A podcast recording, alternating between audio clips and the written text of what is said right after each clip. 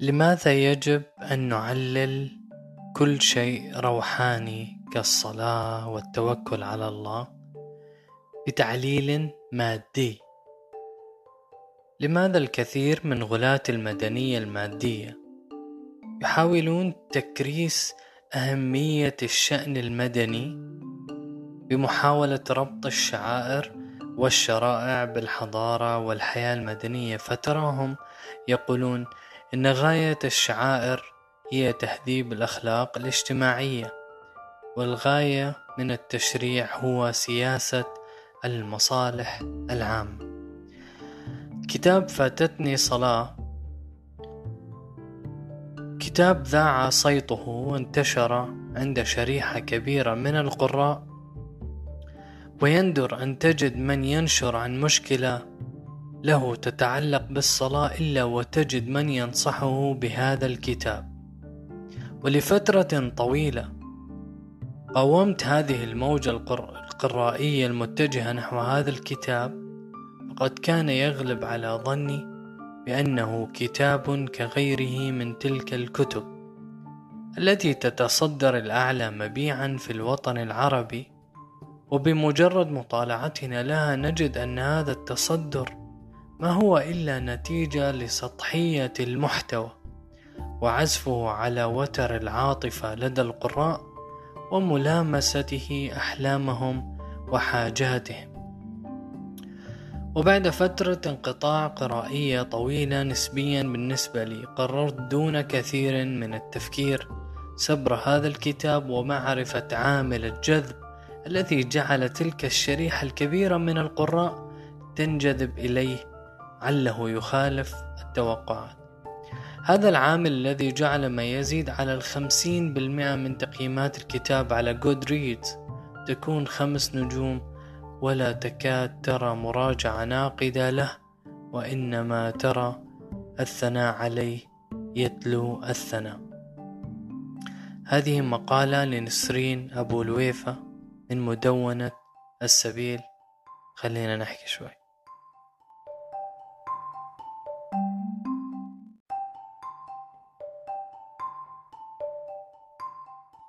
لمحة عن الكاتب والكتاب.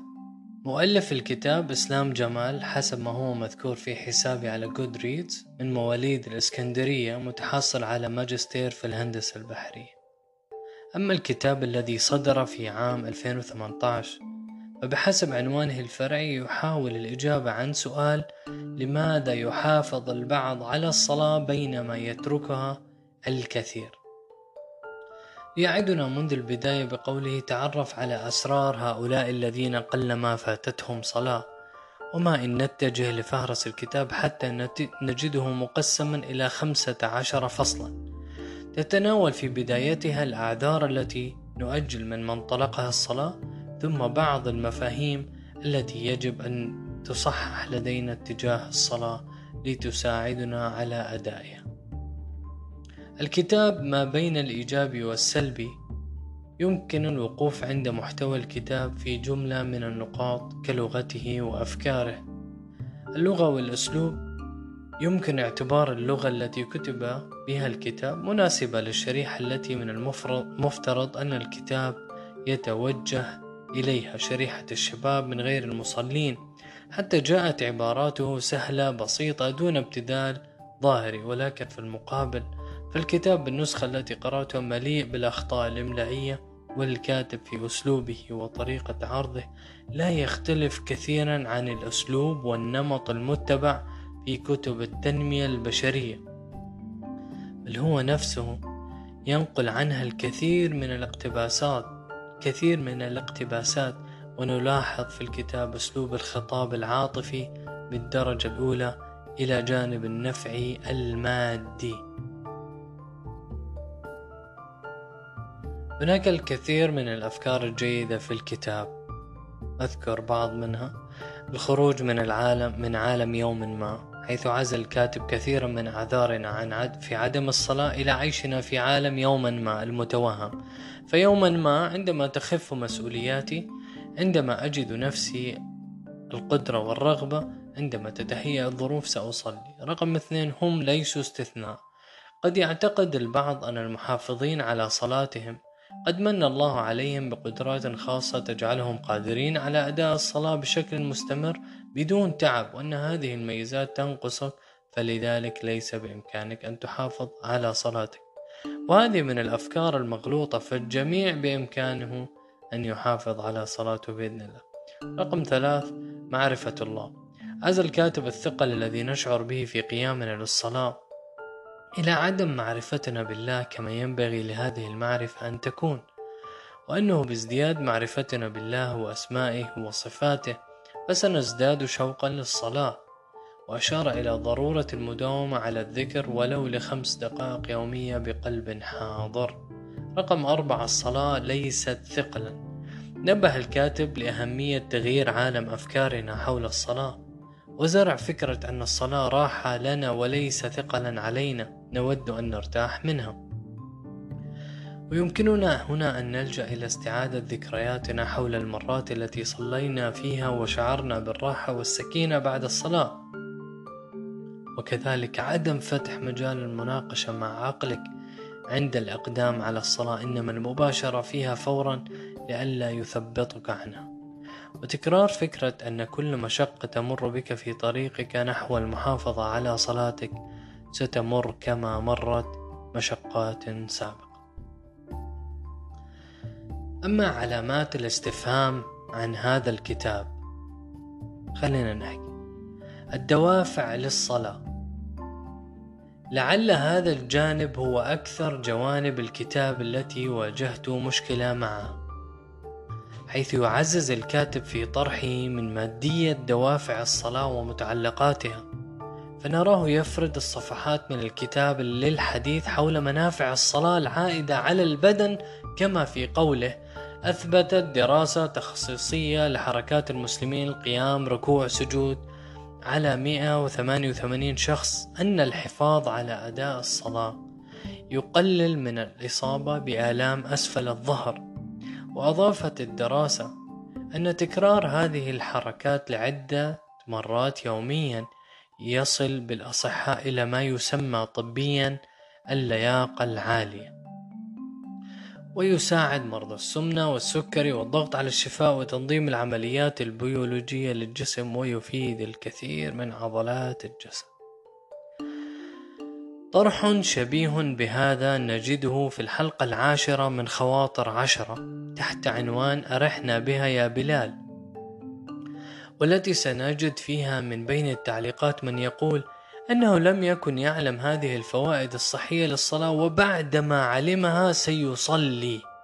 وهذا ليس مستغربا في ظل انتشار النزعة المادية في عالمنا حيث لم تعد الدوافع الدينية الأصلي الأصيلة سببا مقنعا لكثير من المتأثرين بهذه المادية من المسلمين مما يجعل الكثير يتوجه لهم من بوابة المادية وهذا ما أجده في موضوع الصلاة تحديدا.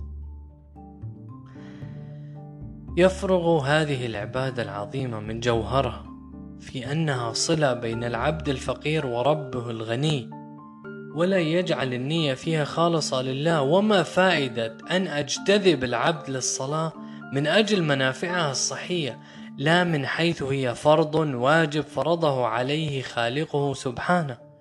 إلى جانب أن الدخول للصلاة من هذه البوابة المادية لا يجعلها تختلف عن الممارسات التأملية المنتشرة. المغالطات والتفسيرات.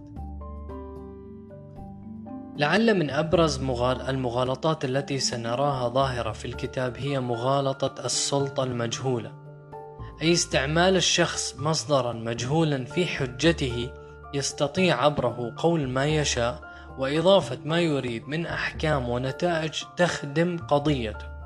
فنجد الكاتب لا يتوقف عن سرد عبارات أثبتت الدراسات علم النفس يؤكد دون عزوم معظم ما يورده على شاكلة الحقائق إلى أي مصدر يمكن التأكد منه من هذه المعلومات. ولعل الأمر سيكون ولعل الأمر سيكون هينا لو توقف عند هذا الحد ولكننا نجد الكاتب يدخل بنا مجال العلوم الزائفة من بوابة هذه الدراسات والأبحاث حيث يقول بعد سرده لإحدى التجارب لذلك كانت الحكمة أن يأمرنا الله تعالى بأن نغسل أطراف الجسد نهايات الجسد عند الوضوء عند الوضوء حتى نزيل هذه الشحنات الكهربائية الضارة. فالغرض الأساسي هو تجديد الطاقة بإزالة الشحنات الكهربائية الضارة. يفاجئنا الكاتب بعبارته بعد هذا السرد للتفسير العلمي للوضوء بقوله آمل أن تكون نظرتك اتجاه الوضوء قد تغيرت فالوضوء مصدر مهم وأساسي للطاقة. نعم يجب أن تتغير نظرك اتجاه الوضوء من كونه شرطا لصحة الصلاة وأنه بنص الحديث الصحيح إذا توضأ العبد المسلم أو المؤمن فغسل وجهه خرج من وجهه كل خطيئة نظر إليها بعينه مع الماء أو مع آخر قط أو مع آخر قطر الماء. فإذا غسل يديه خرج من يديه كل خطيئة كان بطش بطشتها يداه مع الماء أو مع آخر قطر الماء. فإذا غسل رجليه خرجت كل خطيئة مشتها رجلاه مع الماء أو مع آخر قطر قطر الماء حتى يخرج نقيا من الذنوب. صحيح مسلم. إلى كونه مصرفا للشحنات الكهربائية الضارة فهذا أدعى للعقل المادي النفعي أن يأخذ به. ويتابع أمثلته في هذا المجال بقوله. توصل البروفيسور الألماني كنود فايفر إلى تقنيات يمكنها رؤية الطاقة المنبعثة من الموجودات وخاصة جسم الإنسان وفي دراسة خاصة على صلاة المسلمين اكتشف أن المصلي بخشوع يحصل على قدر كبير من الطاقة الروحية بعد كل صلاة وذلك بتصوير انبعاث الطاقة منه قبل وبعد الصلاة. ومن مجال الطاقة الزائف من هذا الباب إلى التشويه في علم حقيقي حينما يقول وهناك حقيقة وهي أن نسبة الإصابة بسرطان الجلد قليلة في البلاد الإسلامية رغم ارتفاع درجة الحرارة في معظم هذه البلاد لأن الوضوء يزيل المواد الكيميائية الضارة الناتجة عن العرق قبل أن تتراكم وتتجمع على سطح الجلد. فمع هذه المعلومة التي يسردها لنا الكاتب على أنها حقيقة؟ لنا أن نسأل التالي من أقرها حقيقة؟ هل سرطان الجلد يعود سببه لمواد ناتجة عن العرق أصلا؟ ببحث بسيط فقط يمكنك تأكد من سذاجة هذا المقال وأن لا أساس علمي له على الإطلاق.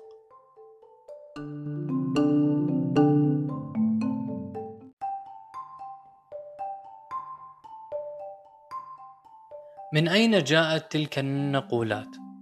وهنا جانب مهم آخر في الكتاب يدفعنا لأن نضع علامة استفهام حوله.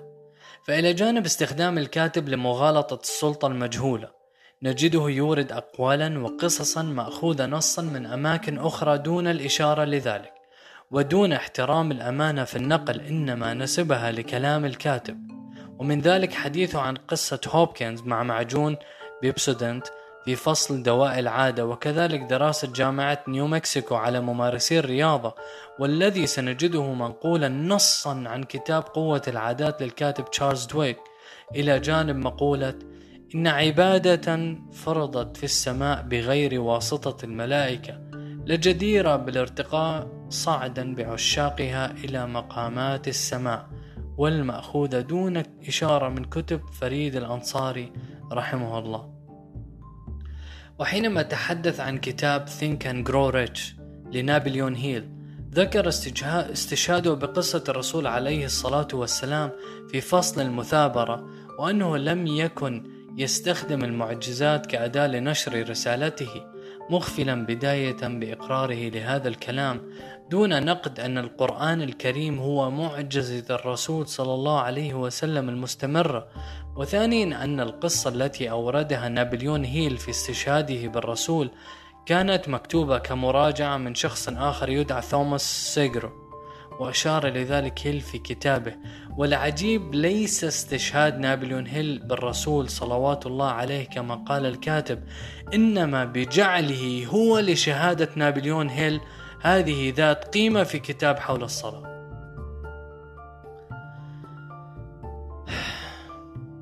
بعد قراءتي للكتاب لم أعد أستغرب حملة الإشادة الكبيرة به من عموم القراء.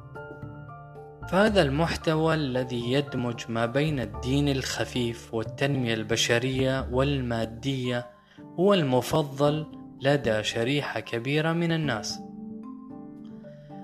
وعادة لا أحبذ الاستغناء بملخصات الكتب عن قراءة الكتب بذاتها ولكن مع هذا الكتاب أرشح الاستغناء بملخص عن قراءته والتعرض بشكل مطول لطريقته في تناول الصلاة وما غطيته في مراجعة هذا. قد يكون مما فاته لمن قرأ الكتاب قراءة غير واعية واستسلم لكل ما يقرأه ومن هنا وجب التنبيه لأهمية القراءة الواعية الناقدة. لما نقرأ لئلا نكون فريسة سهلة للأفكار الغير متزنة والمشوهة والمكذوبة.